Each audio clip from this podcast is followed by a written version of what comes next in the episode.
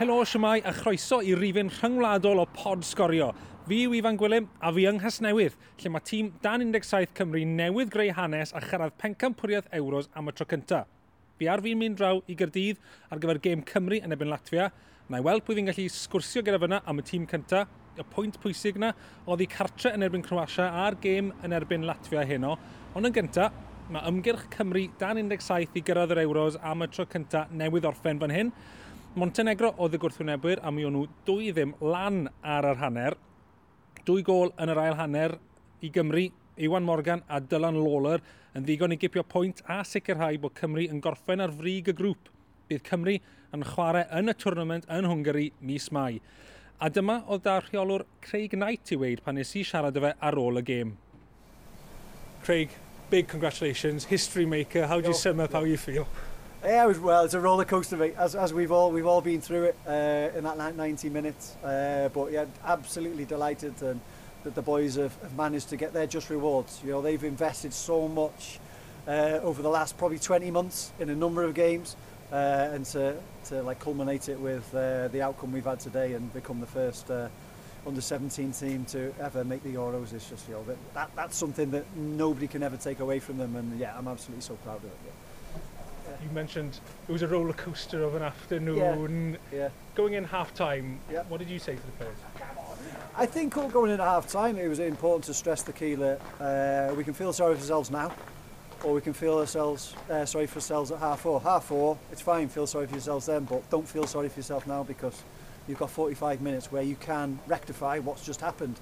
And if I'm honest, like well, we started the game probably a little bit sluggish. For, from how we have started the first two games, but then grew into it and had some good chances. Was hitting the bar and then to concede the sucker punch, but not only once but twice. Yeah, it was probably a little bit tough, you know, but you know we composed ourselves and spoke to the boys, and it was nice and calm in there. And we knew the next goal would be would be crucial. Obviously, it was them; it would make it extremely difficult. If it was us, the, the character that they've got and the quality that we've got, you always had confidence that at some point we get another big chance and take that. You've got the Euros now in May yeah, to yeah, prepare for yeah. exciting times. How do you start? Uh, I think the draw starts on Monday apparently, so uh, that, that's where we'll be. But today we'll, we'll enjoy this today. We'll enjoy this today. You know the boys are going to attend the first team game, so they'll enjoy that. Uh, they'll be in each other's company again, and I just I suppose thrive on it. I suppose like what we want to give these these young players is experiences. So that experience that they've received today, you know that that's going to be with them for, forever and a day. Um, and then obviously, well, once the dust settles, we'll start looking at a bit of planning. Um, and then, yeah, obviously excited to see who we get, etc. And uh, yeah, um, we'll see what, what goes from that. Yeah. Once again, massive congratulations and well done and good luck. I think, well, yeah, I think as well what, what I'd have to do as well is um, it's important. I think I say this that when um, when I'm away on camp, it's, it's for a long, long time. So, I, you know, I've got uh, family, friends, a wife back home who look after two little children who allow me to do this. So, I suppose from a personal point of view, I'm really, really, uh, that's for them. Um, but not for the boys. Um, it's exciting times for their friends and families as well and something we can all look forward to in May uh, as a country as a whole. But yeah, the Elfenbaum. Yeah.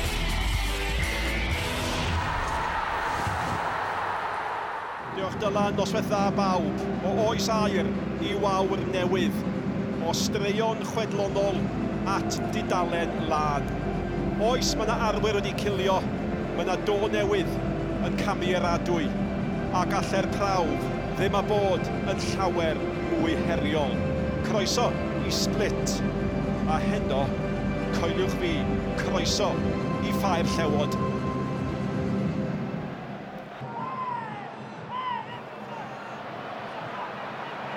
Nico Williams, John Digon Cadarn. A mae'r ergyd yn isel, mae'r ergyd yn gywir. A mae Kramaric wedi hoi Croatia ar y blaen. Mae'r stadiwm yma unwaith eto'n fyddarol. Mewn sefyllfaoedd un yn erbyn un, amddiffyn un yn erbyn un fan hyn, o Cymru'n warthus. Rodon yn y lle gyntaf colli ddyn, Nico Williams ddim yn digon gadarn. Mae rhaid i rhywun camu allan wedyn, ar y safon yma, chi'n disgwyl well. Felly mae metl yn mynd wedyn tra. Mae nhw'n gorfod edrych ar ei mewn sefyllfa i amddiffyn o gol.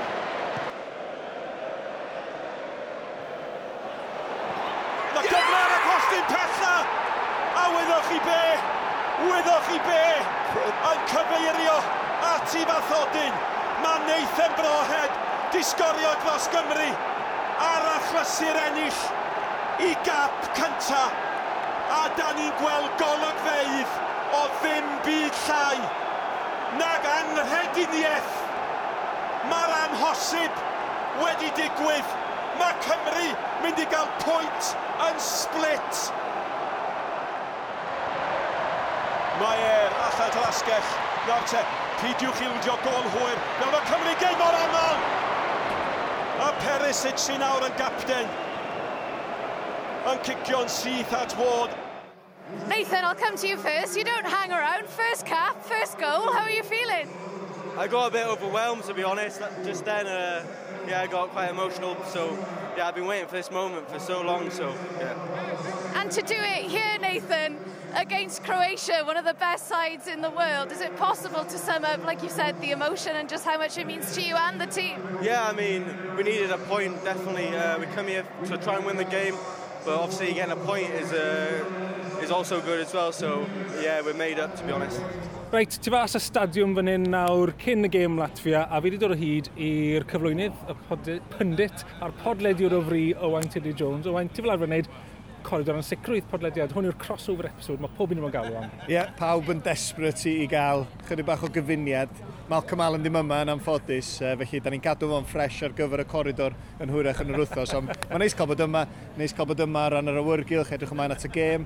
Ac e, ie, yeah, dwi'n meddwl bod ni dal i gyd yn dathlu ar ôl y noson a'r gol hwyr yna yn erbyn Croatia.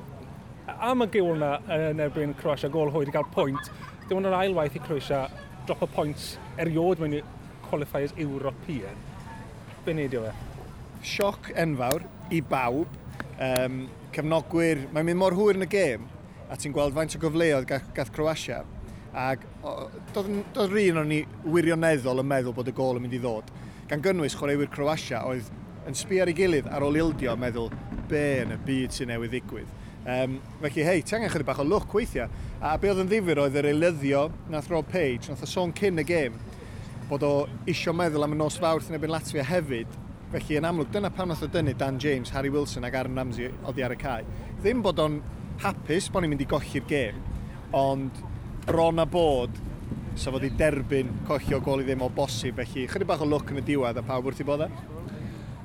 Ar tri dan dath mlaen, oedden nhw wedi helpu effeithio'r gêm ar y diwedd gol o dan gosod, a mae gyda ni rhio, fforddwr newydd, Eric Ramsey, sy'n ar, ar arbenigo mewn darn y gosod yn ôl y sôn. Ie, yeah, dwi'n dwi meddwl o ran yr eilyddio, sa fo'n hawdd i ni rwan ar ôl ar ôl, gan bod ni'n gwybod bod ni wedi cael y pwynt a deud nath nhw ddylanwadu'r gêm yn anhygol. Y gwir ydy, oedden ni'n cael cyfnod gorau ni o'r gêm cyn i'r eilyddio ddigwydd. A wedyn, Croatia yn dechrau rheoli unwaith eto, yn gwthio ni nôl. uh, felly oedd hi'n smash yn grab. Ond wedyn y ffaith bod ni wedi sgorio o gig gosod, y tafliad hir, o'n i'n gweld y clips wedyn o'r dathlu ar y fainc ac Eric Ramsey reit yn ei chanol i. Mae'r ma hyfforddwyr yma sy'n arbenigo ar geichio gosod, maen nhw'n sefyll bob un tafliad, bob uh, cic rydd, cic gornel, a maen nhw'n deud i deud, y gwir ydy, da ni wedi gweld y dafliad hir yna, o blaen gan Gymru, efo Gareth Bale, efo Conor Roberts, um, felly ie, chydig bach o look, gêm gyntaf gysylltiol iddo fo ar y tîm rheoli wrth gwrs, mae o'n heiddi'r clod, ond do'n am byd genius amdan y dafliau, just tafled hir, flic, a wedyn ymateb yn sydyn gan Broadhead. Cyn bod fi'n gadael ti fynd i wneud y waith am y noson, Brennan Johnson ddim yn y garfan, a mi wnaeth Rob Page roi sylwadau, mae yna awgrym falle bod yna clyfu country uh, fight yn mynd i ddatblygu fyna. Be wneud i o hwnna, a be wneud i o sylwadau Rob Page, o'n nhw'n rhai call, o'n nhw'n rhai dylai ddim wedi wneud? Na, dwi'n meddwl, mae'n teimlo be mae'n deimlo, a sa wecyn ti glywed hynna, dwi'n dwi meddwl, sa wecyn ti weld rheolwr yn bod yn awdurdodol, uh, yn deud i ddeud. Excuse me, boys. Dyma fo, Malcolm, da ni wedi sôn amdano. Isio sylw, ti dyn ôl mewn munud, boi. Um, ti isio rheolwr sydd yn gwneud penderfyniad am awr, ti isio rheolwr sydd ddim yn mynd i gael uh, rheolwyr eraill sefyll dros dy fo, felly sgen i ddim problem efo'r sylwadau, a gobeithio fydd y berthynas yn iawn. Dwi'n meddwl mae'n adieddau diedded i feddwl, os da ni'n sôn am Brennan Johnson yn benodol, Mae Cymro sydd yn rheoli Not Forest yn mm. Steve Cooper. Mae o'n mynd i drio helpu ni. Na. Mae rheolwyr mae gyd yn hunanol. Canolbwyntio ar ei swydd o mae o a cadw Brennan yn ffres. Felly Byddwn ni'n gobeithio fydd e- fydd o'n yn yr ha, oherwydd dal i fod, da ni angen Brennan yn yr, yn yr ymgyrch yma. Diolch o wain ar ôl ti fynd nawr. Beth ti'n neud heddi? Uh, Sylwebu efo Nick a Malcolm, sbio yna fo'n dod yma yma. Fi, fi rai ni ofyn i un cwestiwn iddo, bydd. Be ti eisiau sôn amdan Melks? Sair i ddim, come on! Dyna ti fel. A fi na fyd. o oh, na. Ie, ond un i ddim bydd, cyn cychwyn bydd, oherwydd y dorna yno. Okay. Lle'n orlawn, lle'n bwnsio, deud sy'n rath ar ei, yr hen ser, ser newydd ar y cae, yn datgyfodi. Datgyfodi? Ydy fi'n meddwl. Dim ots, dim ots. Dim ots, mae'n air, mae'n air, mae'n air,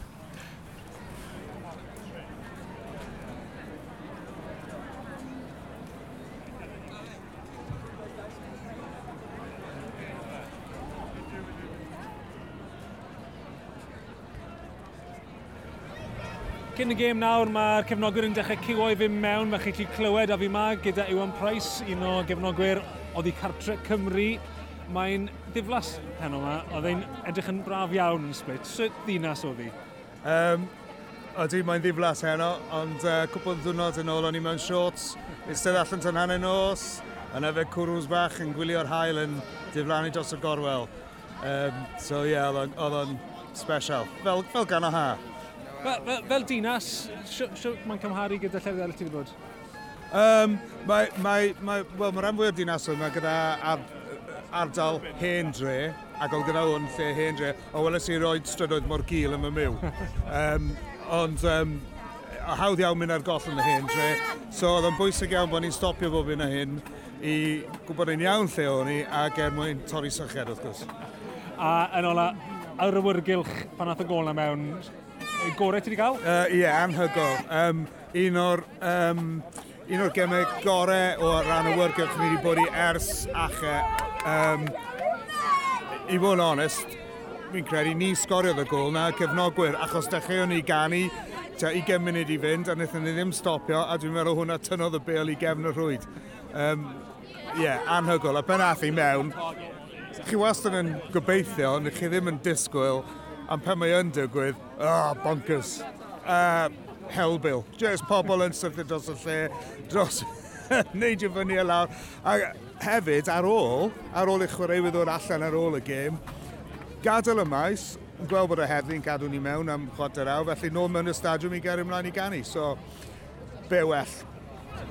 Fi hefyd ma gyda Tommy Collins sydd wedi bod i dros cant o gemau oddi cartre Cymru. Tommy, Siwr oedd split yn cymharu gyda'r tripi eraill ti wedi cael? Oedd o'n wych, oedd y tywydd, dim ond nath o, oedd y tywydd yn syfdanol ac yn amlwg mae hynna'n neud, neud gwahaniaeth i bobl.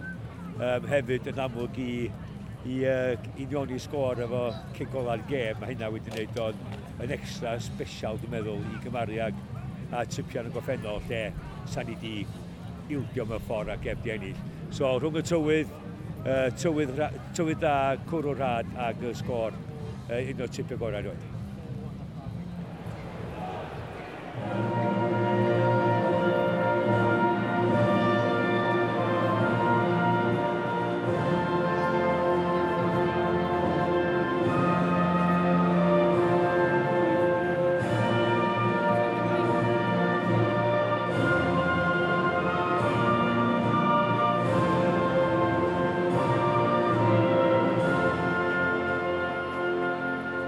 ar y stafell y wasg, wedi ffindio rhywun o Latvia. I've got here with me Ilvars Kostinkevich, and I hope I said that right that time. Very correct, very correct.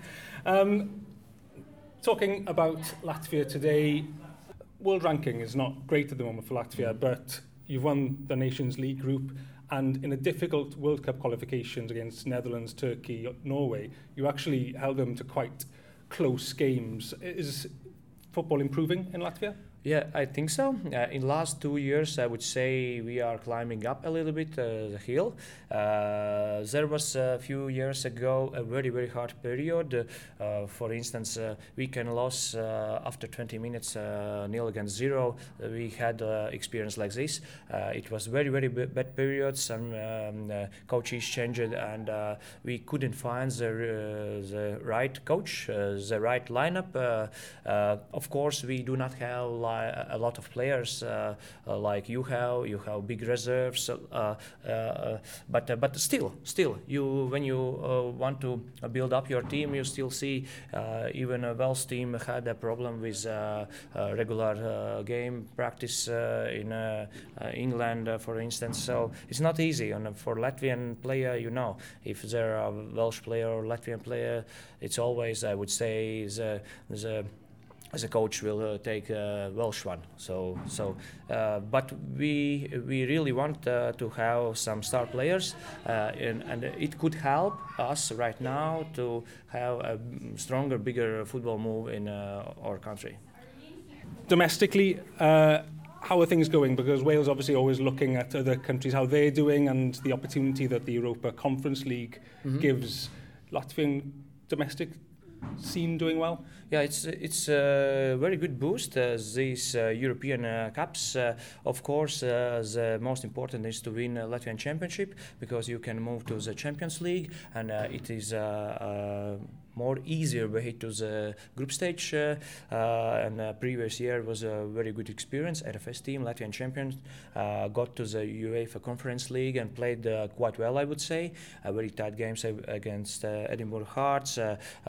We played 1-1 against big favorite Fiorentina in Italy. Also quite good game in Latvia against Bashak Shahir. So, so yeah, uh, this is uh, what we what we got, uh, and I would say the top five Latvian teams is grow, growing up right now.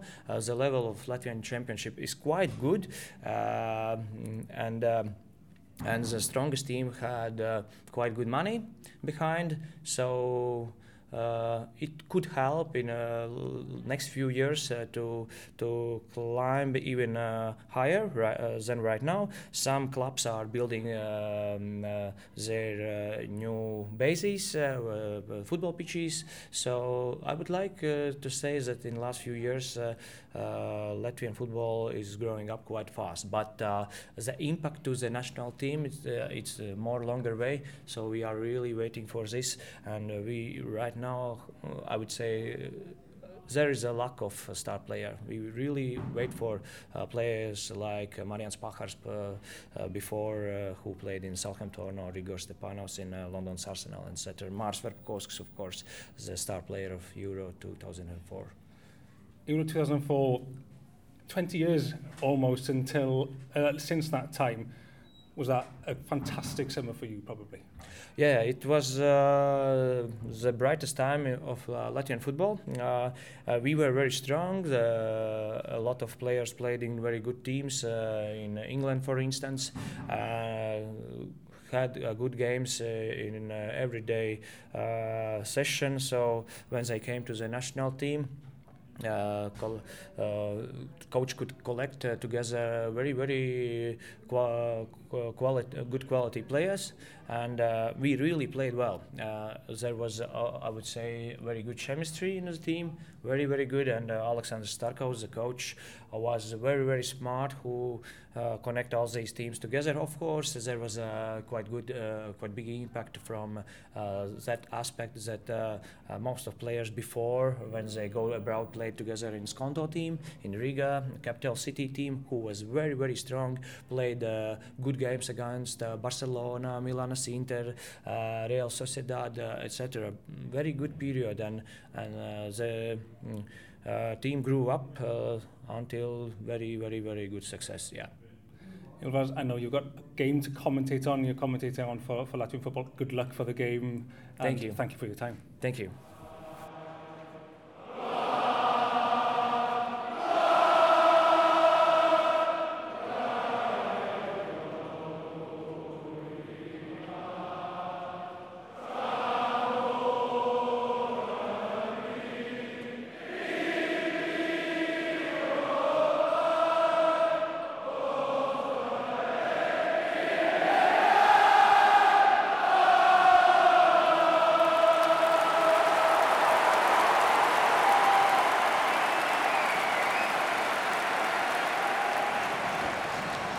gyda James Lloyd Droed ar ysbardun wrth yr hagor. Cael ei groeso fel at mor. Monica Dei! Wilson! Ac arbediad arferchog i fod yn deg gan Steinbord. Oedd hwn yn symudiad da. Falle fel y Wilson di sgorio. Cyflymder a hanner. Wilson, hw, cysylltiad da. Anffodus. At y postyn gosa! O'r arbediad arferchog! Arferchog gan fod yr ergi gan os ac heb os nag on i bai. Dyna'r gosa mae Latvia di dod. Wilson. William i gapten, di hwnna'n di gyrraedd James. Nawr dros dim yna ddigon o e gan Ramsey. Mae'r bel mewn at Ramsey. Nawr te, Ramsey efo'r lle yna yn ceisio cael ei gyfoesiad mewn. Mae'n i ddod i Nico Williams. Mae o'n i tharoi! Williams yn siomedig o beidio cadw hwnna lawr, ond eto, ti'n jyst yn teimlo bod yr awyrgylch yn dechrau tyfu a hwn i chanel. Ie. Yeah. James mewn, Alla hwnna fi'n ddyn gyfer.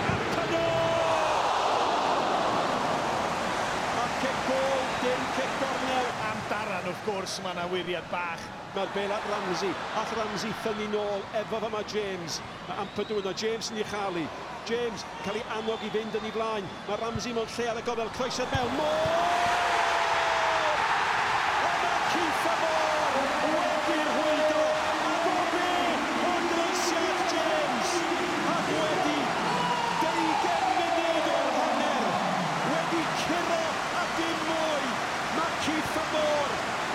gwario i ddegfed gol dros Gymru.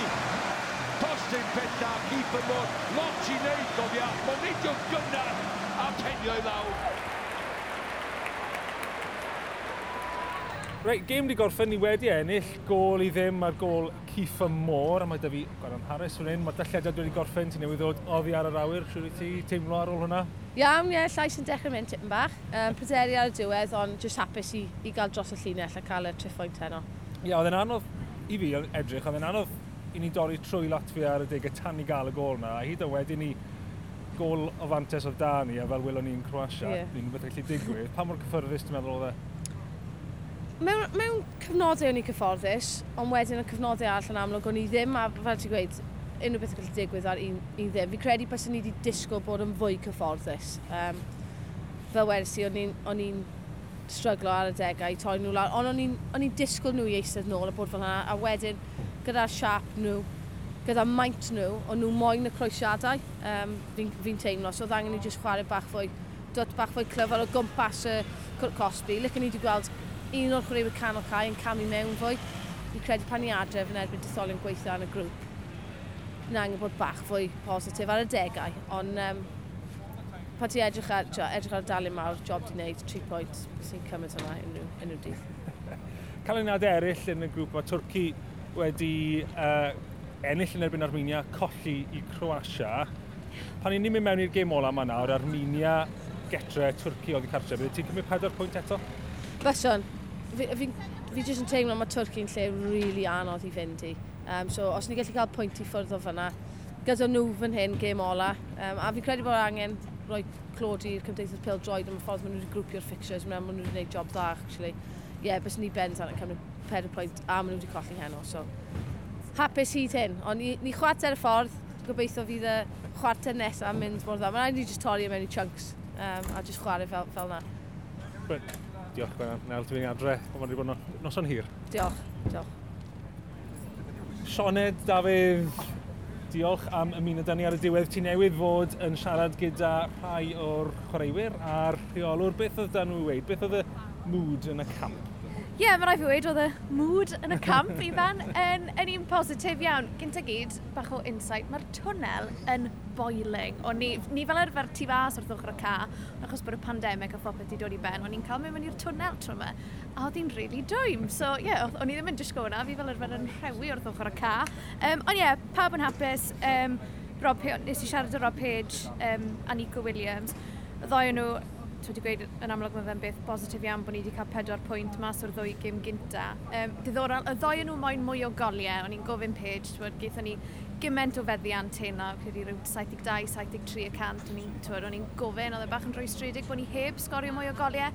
Um, a nath e'r pwynt da, nath e'r pwynt hefyd ar ôl gym Croatia, actually, bod um, ein blaenwyr ni, smon nhw'n cael lot o funudau yw, yw, yw clybiau nhw ar hyn o bryd. Um, felly fi'n credu mae hwnna'n rhywbeth um, bydd Paige mae'n newid um, wrth i ni fynd mewn i well, tuag at ddiwedd y tymor, mae rhaid i'n chwaraewr ni. Yn enwedig, well, mae rhaid i bob safle o arau, ond o ran blaenwyr, pan i ti'n cael mwy o um, hyder off sgorio goliau. Um, fi'n credu mae hwnna'n mynd i fod yn, yn bwysig iawn i Gymru yn, yn mynd ymlaen. A wedyn, ie, yeah, eto Nico Williams nath ei weid, I can't wait to start scoring goals for Wales again. Um, a fi'n credu jyst na'r, nar timlad bod na, um, yeah, dechreuad da iawn wedi dechrau um, o ran yr ymgyrch yma. Dechreuad perffaith, really, achos o'n i byth yn mynd i gael buddugoliaeth yn erbyn Croatia, os o'n i'n gwbl onest, oedd y pwynt yna yn timlo fel buddugoliaeth, felly pwynt yn erbyn Croatia, bydd y goliaeth fan hyn yn erbyn Latvia yng Nghyrdydd. A hefyd, hwn yw'r gêm gyntaf ni wedi ennill ers y gêm yn erbyn Ukraine. Um, felly fi'n credu bydd hwnna'n rhoi yn sicr moral boost fach i'r tîm. A nes i hefyd cael gair gyda'r captain Aaron Ramsey nath cerdded mas gyda'i fabe ar y ca cyn y gêm. Oedd hwnna'n foment really, really lush. A dyma be oedd gan Aaron i weid. Aaron, llongyfyrchiadau ar y bydd y goliau. Siwr i ti'n tymlo ar ôl y perfformiad yna? Ie, yeah, teimlo'n dda iawn. Um, I ddod yma i ennill y gêm heddiw, roedd hwnna'n y, y, y, y peth pwysig i gwneud. Um, a ni'n cael pedwar pwynt nawr um, ar ôl y dwy gêm, felly ie, yeah, ni'n ni, hapus iawn. Y ffaith bod chi wedi cael pedwar pwynt mas o'r ddwy gêm gyntaf, faint o hwb mae hwnna'n mynd i roi i chi yn mynd mewn i gêm a'r haf? Ie, yeah, mae'n mynd i... Um, uh, mae'n dechrau da, felly yeah, i, i mynd mewn i'r haf nawr gyda dau gêm yna, mae'n uh, gallu roi ni um, llawer o, o um, uh, beth yw gair? Um, o hyder? O hyder. A um, yeah, ni'n gallu edrych ymlaen i hwnna nawr, mae'n mae dechrau da, felly uh, yeah, ni'n gallu bod yn hapus iawn gyda perfformiad heno.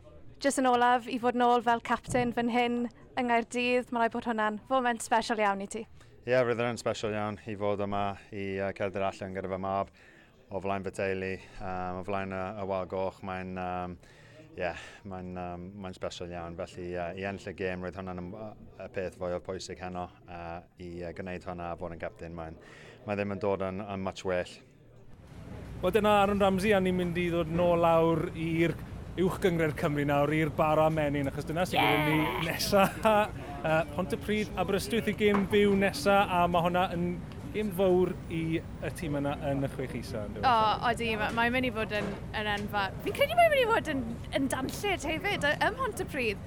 Prynawn di sadwr, mae'n fyw ar sgorio, y ddoi'n gobeithio aros yn yr uwch gyngrair. Mae dal yn dyn, mae Aberystwyth yn tymlo bron fel rhyw gath sydd gyda naw o fywydau ar hyn o bryd. Gewn ni weld os maen nhw yn cyflawni rhyw, rhyw wirth, ond ie, uh, yeah, jyst gymlaen o split i bont y Bontypridd. Fantastic. diolch ti am ymuno dy fi ar ddiwedd hwn, Sionen, a diolch i chi adre am ymuno gyda ni ar gyfer y pod yma. Ymunwch gyda ni tro nesaf pan byddwn ni'n siarad am beth i'r gêm yna a popeth arall sy'n digwydd yn uwch yng Nghymru. Ond am nawr, tara!